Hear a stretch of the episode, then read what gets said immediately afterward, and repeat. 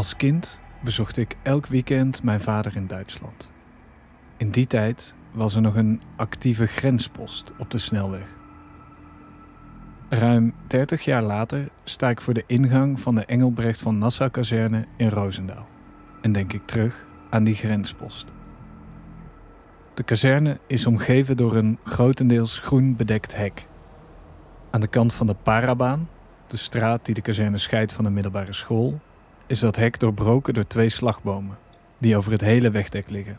Voor het hek en naast die slagbomen ligt een klein kantoortje waar ik me moet melden. Uh, paspoort. Hallo, Hoi. we zijn voor.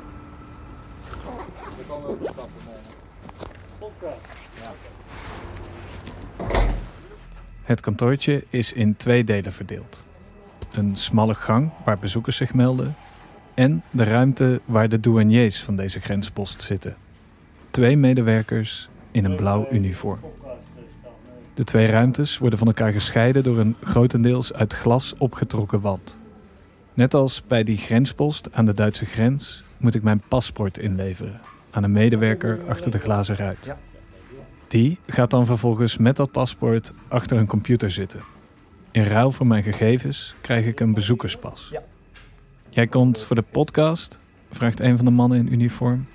Ja, zeg ik.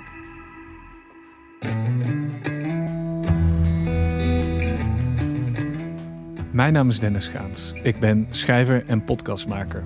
De Engelbrecht van Nassau-kazerne is de thuisbasis van het korps commandotroepen. De commando's zijn omgeven door een zweem van geheimzinnigheid. Niemand weet precies wat ze doen, waar ze dat doen en wanneer. Maar daar komt nu verandering in.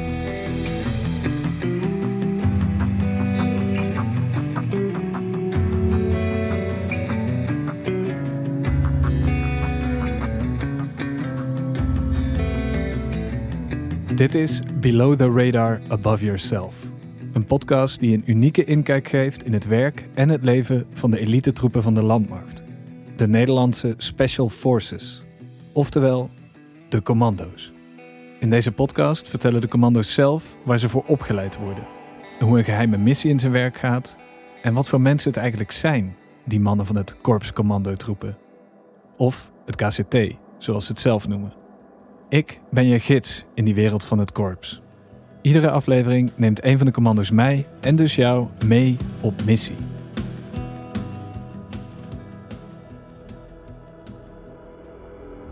De missies van het KCT zijn speciale operaties, de zogenoemde Special Ops.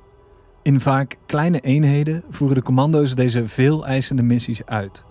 Van verkenningsmissies tot gevaarlijke arrestaties. Van infiltraties tot bombardementen.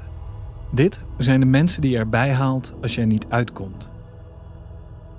Tijdens zo'n missie moet een commando besluitvaardig zijn en lef tonen. Hij moet bereid zijn om grote risico's te nemen. In deze aflevering neemt commando Rico ons mee naar Afghanistan, waar hij verantwoordelijk was voor raketten die werden afgevuurd op een doelwit dat nog geen 50 meter verwijderd was van zijn beste vrienden, zijn collega commando's.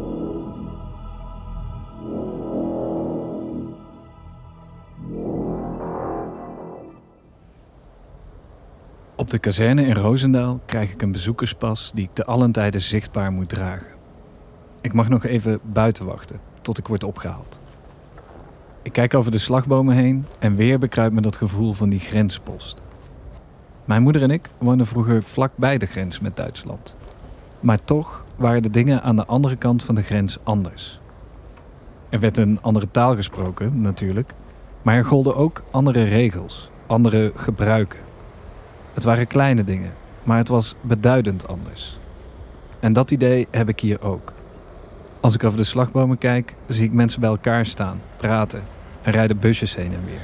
Uit die busjes komen grote kisten en in weer andere busjes worden grote kisten geladen. Het zou zomaar een fabriek kunnen zijn, maar het verschil is meteen duidelijk. De mensen hier dragen een uniform en een groene baret. Als ik je vraag om je een commando voor te stellen, denk je misschien aan het type Rambo. Een brede gast in een strak shirt, camouflagebroek en zijn armen onder de tatoeages. Degene die nu tegenover me zit, Rico, voldoet redelijk aan dat beeld. Zijn armen zijn net zo breed als mijn bovenbenen. Het verschil met Rambo, Rico heeft een innemende, vriendelijke glimlach. Ik ben uh, Rico, ik ben 35 jaar, woon in Amersfoort en werk nu 12 jaar bij de Korps Commandotroep. Uh, dan ben ik uh, J-Tacker. Dus eigenlijk alles met betrekking tot lucht, steun, dat faciliteer ik en regel ik voor mijn compie. Ik ben echt gek op sporten, crossfit, staat heel hoog aangeschreven bij mij. Ehm, ik hou van een filmpje kijken, gewoon gezelligheid. En ja, voornamelijk actief buiten zijn, zo min mogelijk binnen eigenlijk. Het ministerie van Defensie in Nederland kent vier krijgsmachtsdelen. De marechaussee, de marine, de luchtmacht en de landmacht. Bij die laatste afdeling begon Rico zijn carrière bij Defensie. Hij begon bij de artillerie.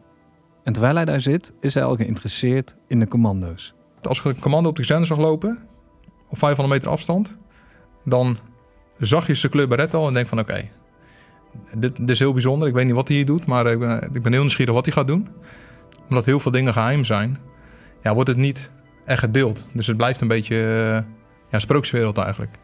En ik wil eigenlijk ook altijd al maximale uh, vanuit Defensie halen. En toen kwam eigenlijk uh, eruit dat ja, de commando's het ehm, hoogste is wat, wat haalbaar is binnen Defensie. Ik vond mezelf toen nog te jong. Ehm, niet volwassen genoeg. Dus toen ben ik bij de artillerie gebleven. Rico vindt zichzelf op dat moment nog te jong en besluit later deel te nemen aan de opleiding. Een paar jaar later, vlak voordat hij op uitzending gaat, besluit hij wel mee te doen met de kennismakingsdagen. Toen heb ik voor de uitzending eigenlijk de keuze gemaakt: oké, dus na de uitzending wil ik toch echt naar de commando's toe. Dus heb ik eh, de kennismakingsdagen gedaan. Die heb ik gehaald, uh, positief advies gekregen, uitzending gedraaid, eigenlijk alles afgewikkeld bij uh, mijn vorige eenheid. En in maart 2008 begonnen aan de opleiding. De elementaire commandoopleiding, kortweg de ECO, geldt als een van de zwaarste, zo niet de zwaarste binnen Defensie. Het programma duurt acht weken en 60 tot 70 procent van de deelnemers haalt de eindstreep niet. Even concreet, van elke drie aspirant commando's vallen er dus minimaal twee af. En die opleiding is niet voor de lol zo zwaar. Het KCT is een elite-eenheid, het hoogste van het hoogste.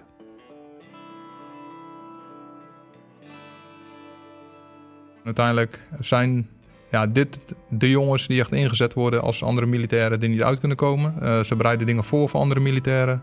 Dat ze missies uh, op kunnen zetten. Dus eigenlijk overal waar ze ingaan zijn zij de eerste. En ze zijn uh, randvoorwaarden creërend voor overige eenheden binnen Defensie. Ja, dat is wat, wat ik heel graag wou. Bij de commando's vindt Rico inderdaad wat hij zocht. Dit is het hoogst haalbare. En dat zit hem niet in het materieel of in de kleur baret, maar in de mensen die die baret dragen. Met name de mindset um, wat er onder het personeel heerst. En daarbij is de can-do mentaliteit dus gewoon, ja, gewoon heel hoog. Het, is gewoon, uh, het moet gewoon slagen wat we, de opdracht die we krijgen. Anders is het niet genoeg. Als we een opdracht krijgen, ook al is het maar op een oefening of op een uitzending, dan sta je gewoon naast de ander en je staat klaar voor elkaar. En dat is zelfs in de uh, buiten ons werk om. Van als in het weekend iemand mij belt die uh, ergens problemen mee heeft, ja, dan hoor ik hem gewoon. Dan zeg ik niet van oké, nou weet je, ik heb nou mijn privéleven en uh, ik heb geen tijd voor je. Je bent gewoon meer dan collega's, je bent vrienden. En dat, uh, dat is gewoon wat het, wat het doet. Die zorg voor zijn collega's, zijn vrienden, uit zich ook in Rico's werk. Hij heeft een grote verantwoordelijkheid. Rico is J-Tacker, Joint Terminal Attack Controller. In het kort komt het erop neer dat hij vliegtuigen en helikopters aanstuurt om bepaalde doelen aan te vallen. Het komt kort zeggen neer dat je eigenlijk verantwoordelijk bent voor alles wat in de lucht vliegt binnen een bepaalde ja, restricted operation zone wat je toegewezen krijgt. En alles wat daarin uh, vliegt, of alle effecten wat in, daarin bereikt worden, daar ben jij verantwoordelijk voor. De taak die Rico heeft is een exclusieve. Op de kazerne in Roosendaal lopen er maar acht J-tackers rond. En dat past bij hem, dat hij zoiets exclusiefs doet. Ja, ik ben iemand die eigenlijk net altijd wat anders dan de rest wil doen. En een beetje mijn eigen weg wil bewandelen. Daar sta ik ook wel een beetje bekend om. En ik denk voor mezelf dat dit het hoogste haalbaar daarin is. Ook weer het hoogste haalbaar. Uh, als JTEX zijn, omdat je dan toch de grootste klap kan, uh, kan geven. Als je met je eigen wapens er niet uitkomt, dan kun je altijd opschalen naar, uh, naar iets hogers. En dat hogere, dat ben ik dan. Dus dat, eh, dat geeft voor mezelf een heel fijn gevoel. Maar dit is ook, als ik jou dus over hoor, echt een enorme verantwoordelijkheid. Het is niet alleen maar het hoogste wat je kunt halen. Maar Nou ja, want in principe als ik een bom gooi en ik gooi hem dus in plaats ehm, van op dat gebouw 50 meter verkeerd op mijn maten, dan ja, zijn zij dus dood in plaats van dat andere mensen dood zijn. Als ik een verkeerde coördinaat plot en het valt op een moskee of op een school vol met kinderen, ja, dan ben ik daar dus verantwoordelijk voor. Ja, het is wel een hele verantwoordelijke functie, ja. Ja, maar kijk, want dat, dat is voor mij dat ik dat in Call of Duty zou doen. Dat is heel iets anders dan wanneer ik dat in het echt zou doen. Moet- ja, Ja, nou, je hebt zeg maar, je hebt eh, Call of Duty eh, heb je natuurlijk die twee A10's wat je in kan zetten. Wat heel veel mensen eh, spelen. Ja, dat is zeg maar het werk wat ik doe. Met de laser dan, zeg maar, of met die kijker. Alleen dan komt er iets meer bij kijken. Alleen dat dat voor de wereld de meest beeldvormend is. Op dit moment. ja Dus maar dat, ik denk dat al die mensen dus die dat in Call of Duty Ja, het doen... gaat niet, het gaat niet zo makkelijk. Dat het een heel andere stap is om echt die beslissing te maken. Ehm, ja, je hebt natuurlijk een heel opleidingstraject daaraan voor zitten. En ik doe het nu acht jaar. Kijk, waarbij jij heel makkelijk in gesprek gaat met mensen, doen andere mensen dat niet. Maar misschien deed je dat vroeger ook niet. En dan heb je daar overheen moeten zetten en dat moeten leren. En als ik kijk naar mijn eigen vakgebied, dan weet ik gewoon van ja, ik ben er goed in. Ik kan het. En toch knijp ik af en toe mijn billetjes bij elkaar. Dat ik denk van oké, ik weet dat ik het kan, maar het is toch wel heel dichtbij. En eh, ja, hopen dat het goed gaat. Ja. Dus je, je voelt wel spanning op het moment dat je cleared hold moet Ja, natuurlijk. Ja, in ieder geval eh laatste tik wel. Troops in contact, ja.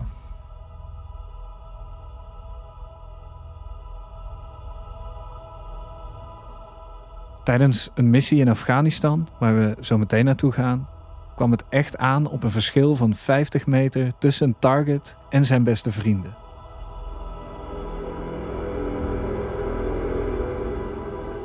En daarom is die opleiding zo belangrijk. Je kunt het werk niet zomaar doen. Je moet er echt in getraind zijn. Daarnaast is de opleiding toch ook een selectie. Je hebt lef nodig, besluitvaardigheid. Kortom, je moet durven kiezen, durven handelen in extreme omstandigheden. Als het enigszins kan, maakt Rico een uitgebreide planning, waarin hij kijkt welke luchtsteun er beschikbaar is en waar in de lucht die verschillende onderdelen moeten gaan hangen. Dit is een complexe puzzel, want vliegtuigen kunnen maar een bepaalde tijd in de lucht hangen, helikopters ook. En ze moeten elkaar vooral niet in de weg zitten. Het is super gedetailleerd werk. Je kan het eigenlijk plannen tot op het wapensysteem wat je wil dat diegene meeneemt. Dus je maakt een soort boodschappenlijstje eigenlijk. Ja, ja kort zeggen wel. Ik werk gewoon een eh, soort checklist af eh, waarbij ik alles eh, behandel. Ja, in de vakjargon heet dat assets. Dat begint vanaf de grond. En dan hebben we eigenlijk eh, capaciteiten waarmee we ingezet worden, zijn helikopters. Dus die vliegen op een bepaalde hoogte van bijvoorbeeld grond tot 500 voet. Eh, dan heb je een bepaald eh bracket, heb je niks. Dan heb je nog medische helikopters die eigenlijk gewonden op kunnen pukken. Dus die moeten ook nog tussendoor kunnen. Dan daarboven heb je bijvoorbeeld nog Apaches eh die hangen, die ook ehm, de inzethelikopters eigenlijk ondersteunen voor de veiligheid. Maar de helikopters waarmee we ingezet worden gaan allemaal weg. Dus de Apaches blijven hangen, dus die moeten op een bepaalde hoogte. Daarboven heb je dan straaljagers, die moeten op een bepaalde hoogte. Daarboven heb je dan misschien een bommenwerper eh, die er moet hangen. Dan heb je daarboven nog eh, een vliegtuig met een sensor. En dat is eigenlijk hoe je alles in luchtlagen wegzet, in blokken. Met daartussen zoveel voet eh, separatie, dat ze elkaar toch een beetje speling hebben, dat ze elkaar niet uit de lucht vliegen. En dat is eigenlijk eh, een soort eh, luchtverkeersleider eigenlijk, alleen dan in een, eh, een tactisch scenario bij nacht, en mogelijk in een gevecht. Ja. Bizar, een soort inrichten van, van de lucht. Ja, in, ja, in principe wel. Ja. Ja. En allemaal in een klein boekje bij nacht zonder lampje. En, eh, ja. Het is nog niet zo lang geleden dat Rico met zo'n boekje in het donker zat. In 2019 nog, in Noord-Afghanistan. Het Korps Commandotroepen heeft verschillende missies uitgevoerd in Afghanistan. Van het verkennen van gebieden tot het opleiden van Afghaanse politieeenheden in het uitvoeren van speciale operaties. Rico is in 2019 onderdeel van die laatste missie. Een speciale eenheid van de Afghan Territorial Force wordt opgeleid als Special Operations Force.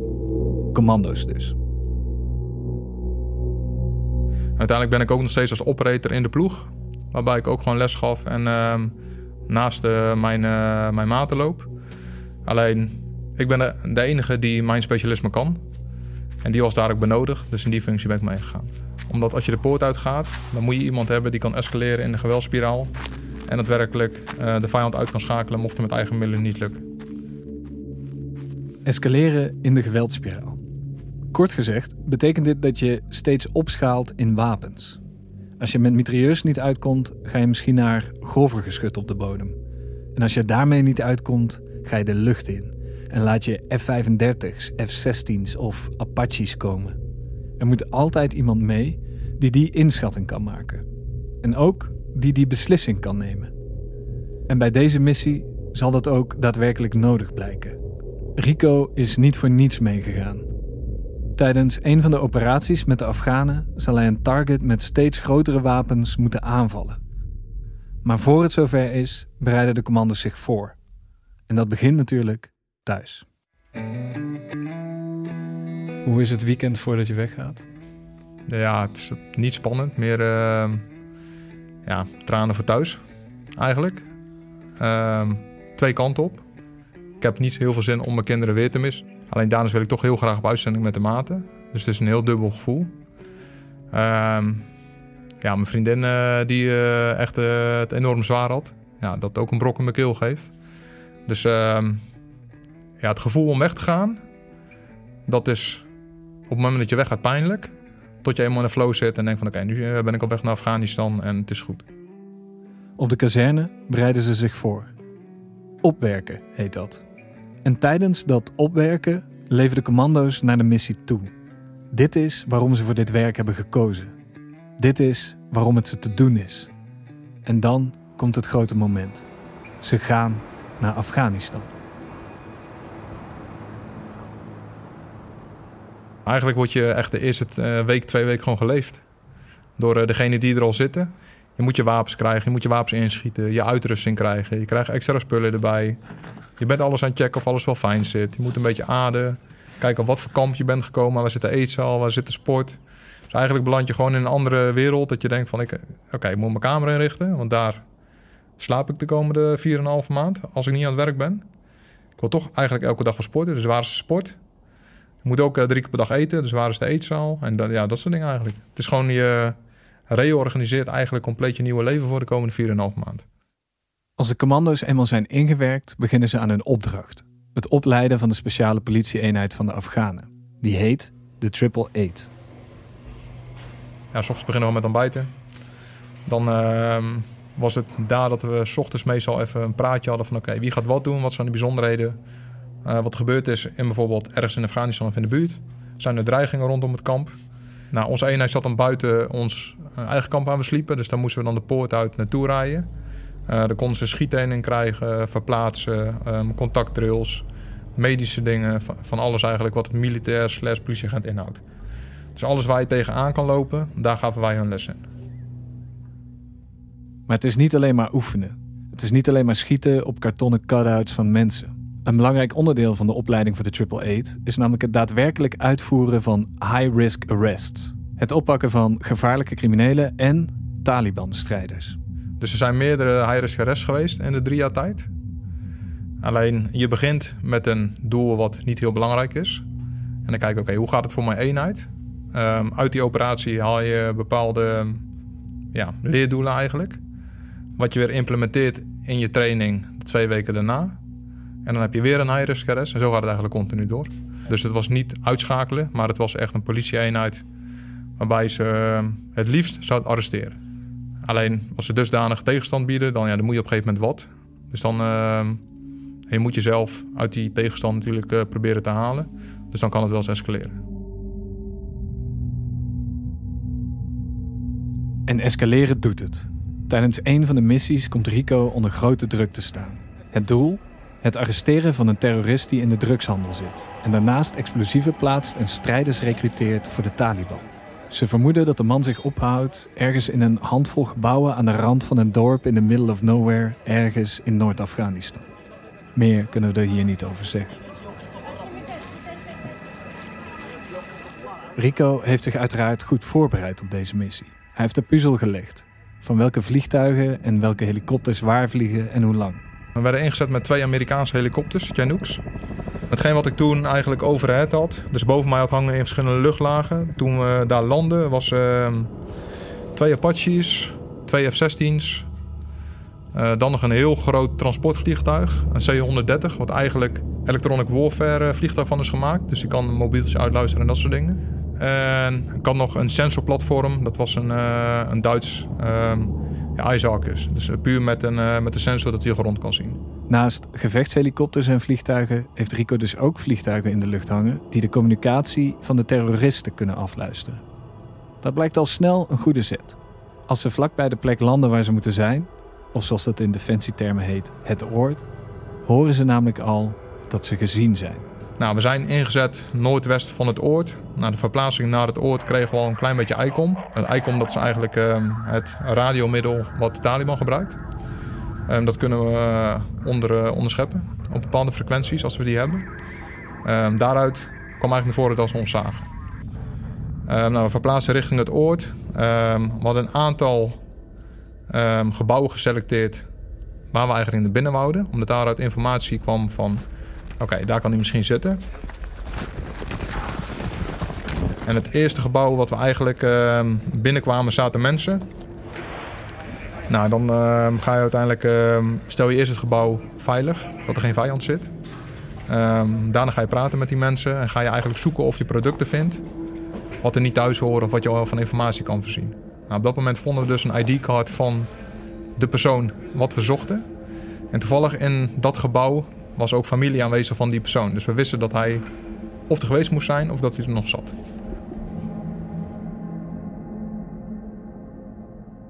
Het eerste gebouw nemen ze zonder tegenstand. Maar ondertussen weten de commando's: we zijn gezien. Er kan dus elk moment iets gebeuren. Ze zijn in the middle of nowhere en voor hen liggen twee gebouwen. Allebei langs een weg met daarachter een grasveld. Rico blijft achter in het eerste gebouw en gaat daar met zijn boekje zitten, klaar voor de actie. Een andere eenheid steekt door naar het tweede gebouw. Nou, toen hebben ze het tweede gebouw eh, hebben ze genomen. Daar kwam eigenlijk niet, eh, niet heel veel eh, in naar voren. Maar op den duur hoorden we wel wat enkele schoten. Nou, toen hebben we ons afgevraagd, waar komt het dan vandaan?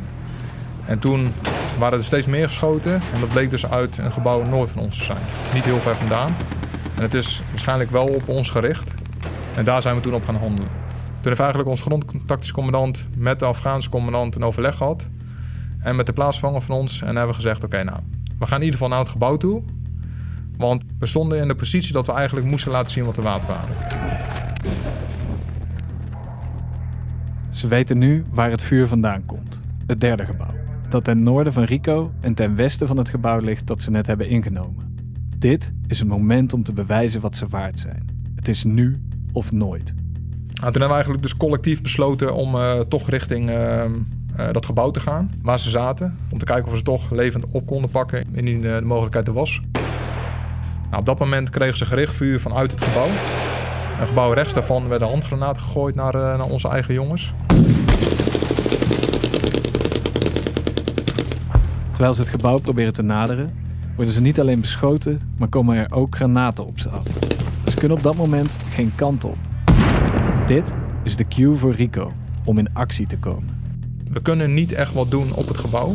Want zodra we in de buurt komen, dan beginnen ze eigenlijk continu te vuren. Of met een machinegeweer of met eh, ja, normale geweren. Nou, op dat moment zaten er ook een drie of viertal Afghanen eigenlijk eh, rechts van het gebouw ja, pin down. Dus ze zaten vast. En ze konden niet naar noord, west, oost of zuid. Om eigenlijk in veiligheid te komen. Omdat ze dan meteen onder vuur kwamen te liggen van de vijand. Toen op een gegeven moment eh, heb ik met mijn commandant overlegd. Oké, nou, ze zitten daar vast. We kunnen zelf niks doen. Ik kan misschien wel wat doen.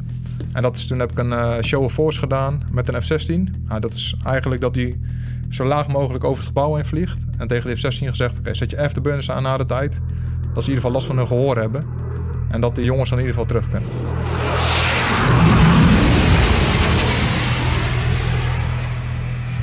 Dit is de eerste stap. Een vertoon van macht met een laagvliegende F-16. Ja, als je geen pijltoren op hebt, dan klinkt het best wel van... oké, ik grijp nu naar mijn oren, want ik heb het gevoel dat mijn hoofd bijna aan elkaar eh, ploft. En eh, als dat laag genoeg is, dan springen eruit in ieder geval uit het gebouw. Alleen dat heeft niet zo heel veel effect gehad. Want die jongens die konden nog steeds niet terug en het vuur bleef gewoon. Toen heb ik besloten om, ehm, om eigenlijk 40 meter noord van het gebouw en ook noord van die, eh, van die jongens parallel op een, een gunstreef van een F-16 te doen. Dus dan komt een F-16 eigenlijk in een bepaalde hoek komt die in, eh, schiet kogels in de grond en breekt dan eigenlijk weer een richting af.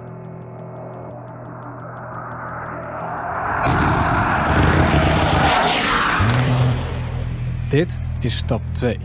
De F-16 vliegt vlak langs de gebouwen en vuurt in de grond. Maar dit is ook al heel gevaarlijk. Want nog geen 40 meter van dat vuur zitten Rico's collega's. Nou, 40 meter is heel dichtbij, want de danger close, ehm, dat is aanzienlijk meer. En als ik dan ook het danger close, dat is iedereen heeft verschillende films gezien wat voor effect dat heeft.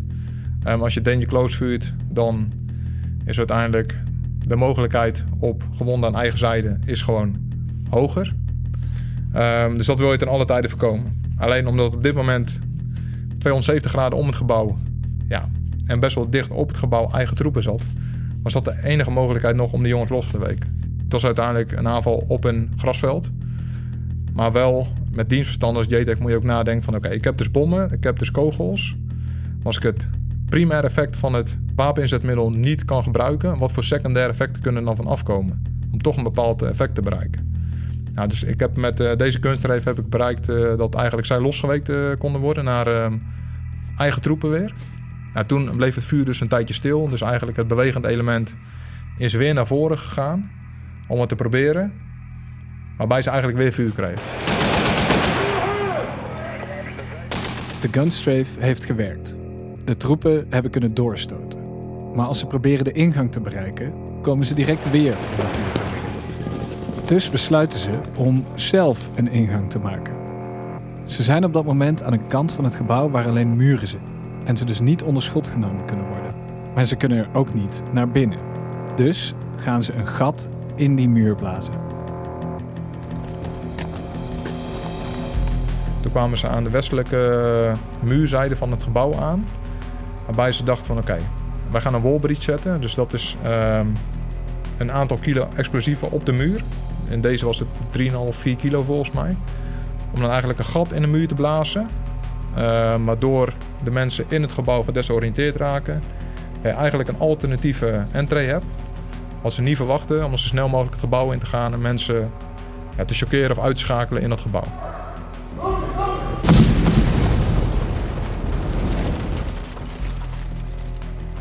Desalniettemin werd die wolbridge afgezet en er zat nog geen deukje in die muur. Dat kwam gewoon omdat die muur was anderhalf tot twee meter dik. En van verschillende materialen eigenlijk uh, opgebouwd wat we niet eerder zijn tegengekomen. Dus dan dachten we, oké, dan hoor je Field Wall Bridge, of Field Bridge. En denk van, oké, okay, is kloot. Dus we moeten eigenlijk toch weer terug naar het gebouw, of naar de initiële deur, om daar naar binnen te komen. De explosie heeft geen effect. Ze moeten dus weer terug naar de andere kant van het gebouw. Maar dat betekent dus ook dat ze weer onder vuur komen te liggen. Dus moet Rico weer in actie komen. Stap 3. Hij gaat een Apache laten schieten op het gebouw waar de vijand zit. Om toch te escaleren in de lijn met het geweld. Uh, waarbij de F-16 20 mm kogels had. Heeft uh, de Apache 30 mm. Oké, prima, dan schieten we 30 mm op het gebouw. Door de ramen heen, kijken of voor effect dat heeft. Met de Apache-piloten over gehad. En dan zeggen we, nou, dit is jouw doel. En uh, dan vraag ik, oké, confirm tally target. Hij zegt tally target. Dan weet ik zeker dat we over een doel praten. En dan geef ik een bepaald format mee. Een final tech heading. Dus een uiteindelijke uh, hoek waarmee die mag aanvallen. En daarbij neem ik mee dat Zuid uh, eigen troepen zitten. Op 50 meter. West op 110 meter zitten eigen troepen. Dus dat is dan nog steeds danger close. Dus nou, dan meldt hij oké in. heading 310. En dan zeg ik op een gegeven moment, controleer ik het of het binnen mijn bracket valt. Dan zeg ik cleared hot. En dat is voor hem eigenlijk een vrijbrief. Na mijn cleared hot om te vuren daar waarmee ik tegen hem heb gezegd dat hij moest vuren. Op het doel wat hij moet aangrijpen.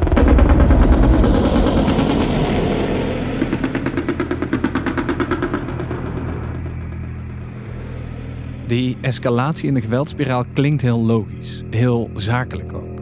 Maar je moet je realiseren, Rico geeft op dit moment een piloot toestemming om te schieten op een gebouw waar zijn vrienden heel, heel dichtbij zitten.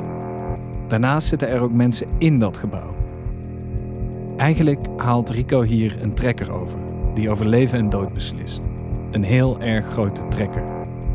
Rico zit dan ook met samengeknepen billen te wachten terwijl de Apache op zijn doel afvliegt.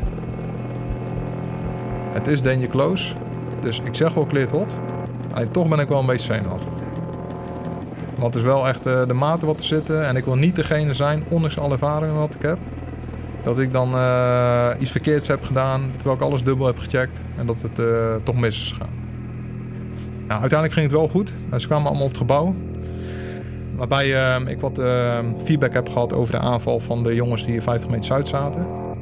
En het andere element is van west weer naar oost gegaan richting het gebouw.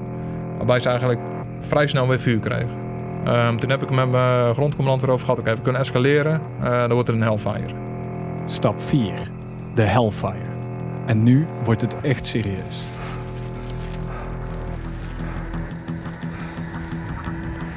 Stel je dit even voor. Je zit in het donker met een lampje en een boekje op schoot.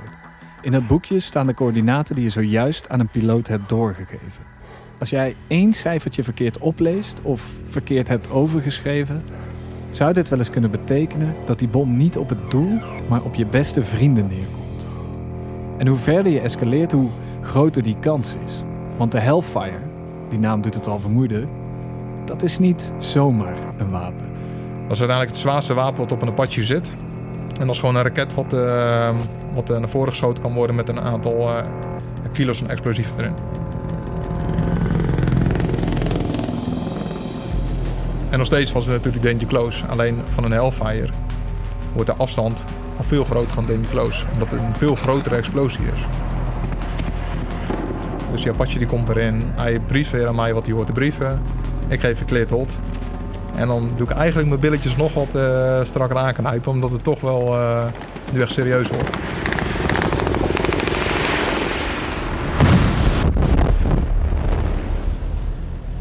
Waarbij het een mega klap komt op het gebouw. Een gedeelte van het gebouw eigenlijk instort, het dak eraf vliegt. Nou, aanval succesvol. Het was even geen vuur meer. Rico kan opgelucht ademhalen. Hij heeft zijn doel en niet zijn maten geraakt. Daarnaast lijkt het erop dat de Hellfire effect heeft gehad. Ze kunnen doorsteken. Tenminste, daar lijkt het op.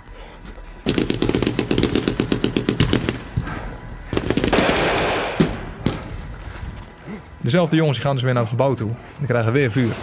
Waarbij ik denk van, ja, fuck maar, even serieus, meen je het nou? Dus die jongens die gaan weer terug. Ik uh, tegen mijn commandant, oké, okay, nou, het is nog een heel fijne maand. Op dit moment heeft Rico al een F-16 laten overvliegen, een F-16 laten schieten op een veldje 40 meter van het gebouw, een Apache laten schieten op dat gebouw en zelfs met een raket datzelfde gebouw deels laten instorten. En nog liggen ze onder vuur. Rico stuurt een tweede Hellfire. Stap 5. De Apache vuurt hij eigenlijk in het uh, hoek van het gebouw. Waarbij je natuurlijk weer mijn billen vastknijpt. Dus ik denk van oké, okay, als dit ook maar goed gaat. En hij komt het, uh, de hoek van het gebouw in. Waarbij eigenlijk gedeelte van het, gedeelte van het gebouw instort. En waarbij de jongens weer naar voren konden gaan.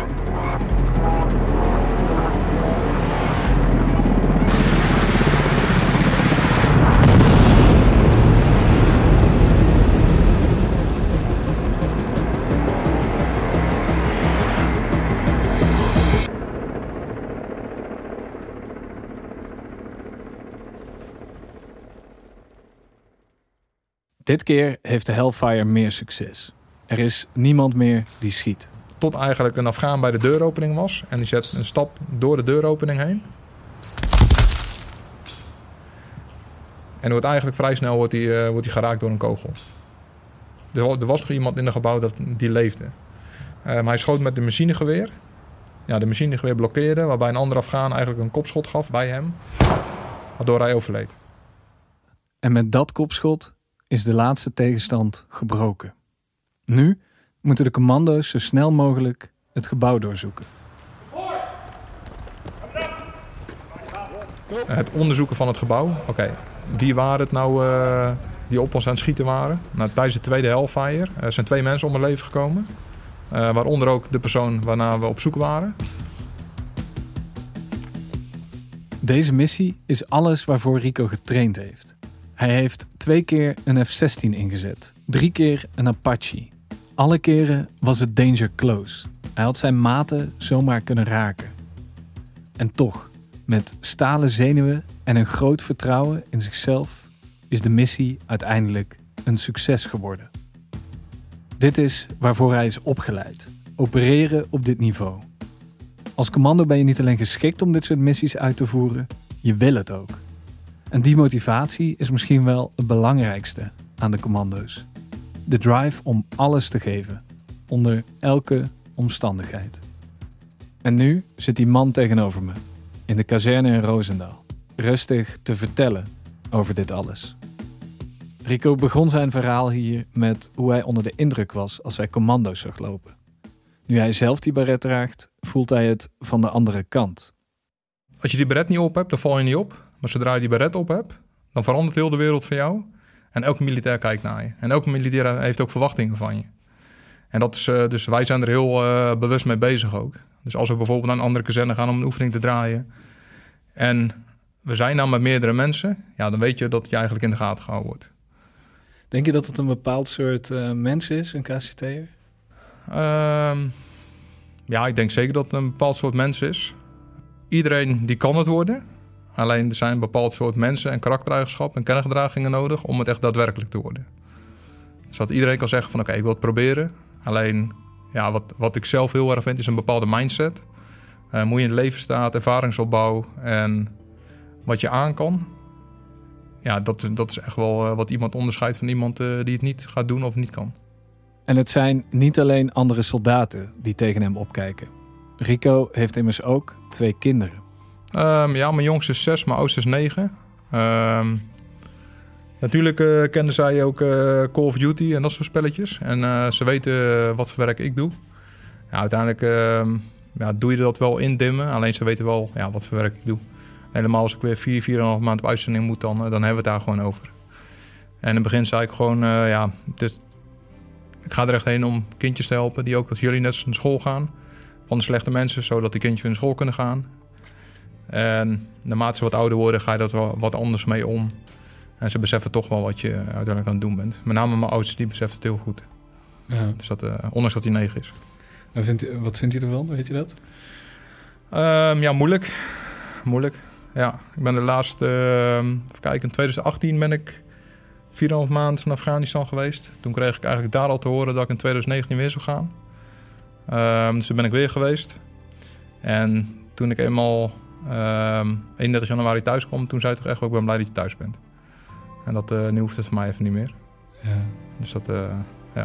Ik kan me voorstellen dat het wel pijn doet. Ja, absoluut. Ja. Ja. En ik kan me ook voorstellen dat het je juist uh, een soort waarde geeft aan het werk dat je doet. Hè? Want je, ja, heel cru gezegd, of heel, heel kort door de bocht zet je wel in voor een, voor een betere wereld, toch? Denk ik. Ja, dat, dat is uiteindelijk wel wat, um, wat ik vaak heb gezegd. En het is ook de dingen wat ik doe en wat ik heb gedaan. Dat hoop ik uiteindelijk dat zij dat niet hoeven te doen. Dat is ook een reden natuurlijk waarom je blijft doen. Dus dat, uh, ja, dat, dat, is zeker wel een uh, factor wat meespeelt. Het verhaal van Rico is dat van iemand die zichzelf samen met zijn korpsgenoten in de vuurlinie plaatst. Die moeilijke beslissingen moet nemen onder hoge druk. Dat is wat je ziet als je over die slagbomen kijkt. Achter die slagbomen, in die andere wereld van de Engelbrecht van Nassau-kazerne in Roosendaal, werkt een groep hoogopgeleide militairen daaraan. De wereld verbeteren. Beetje bij beetje.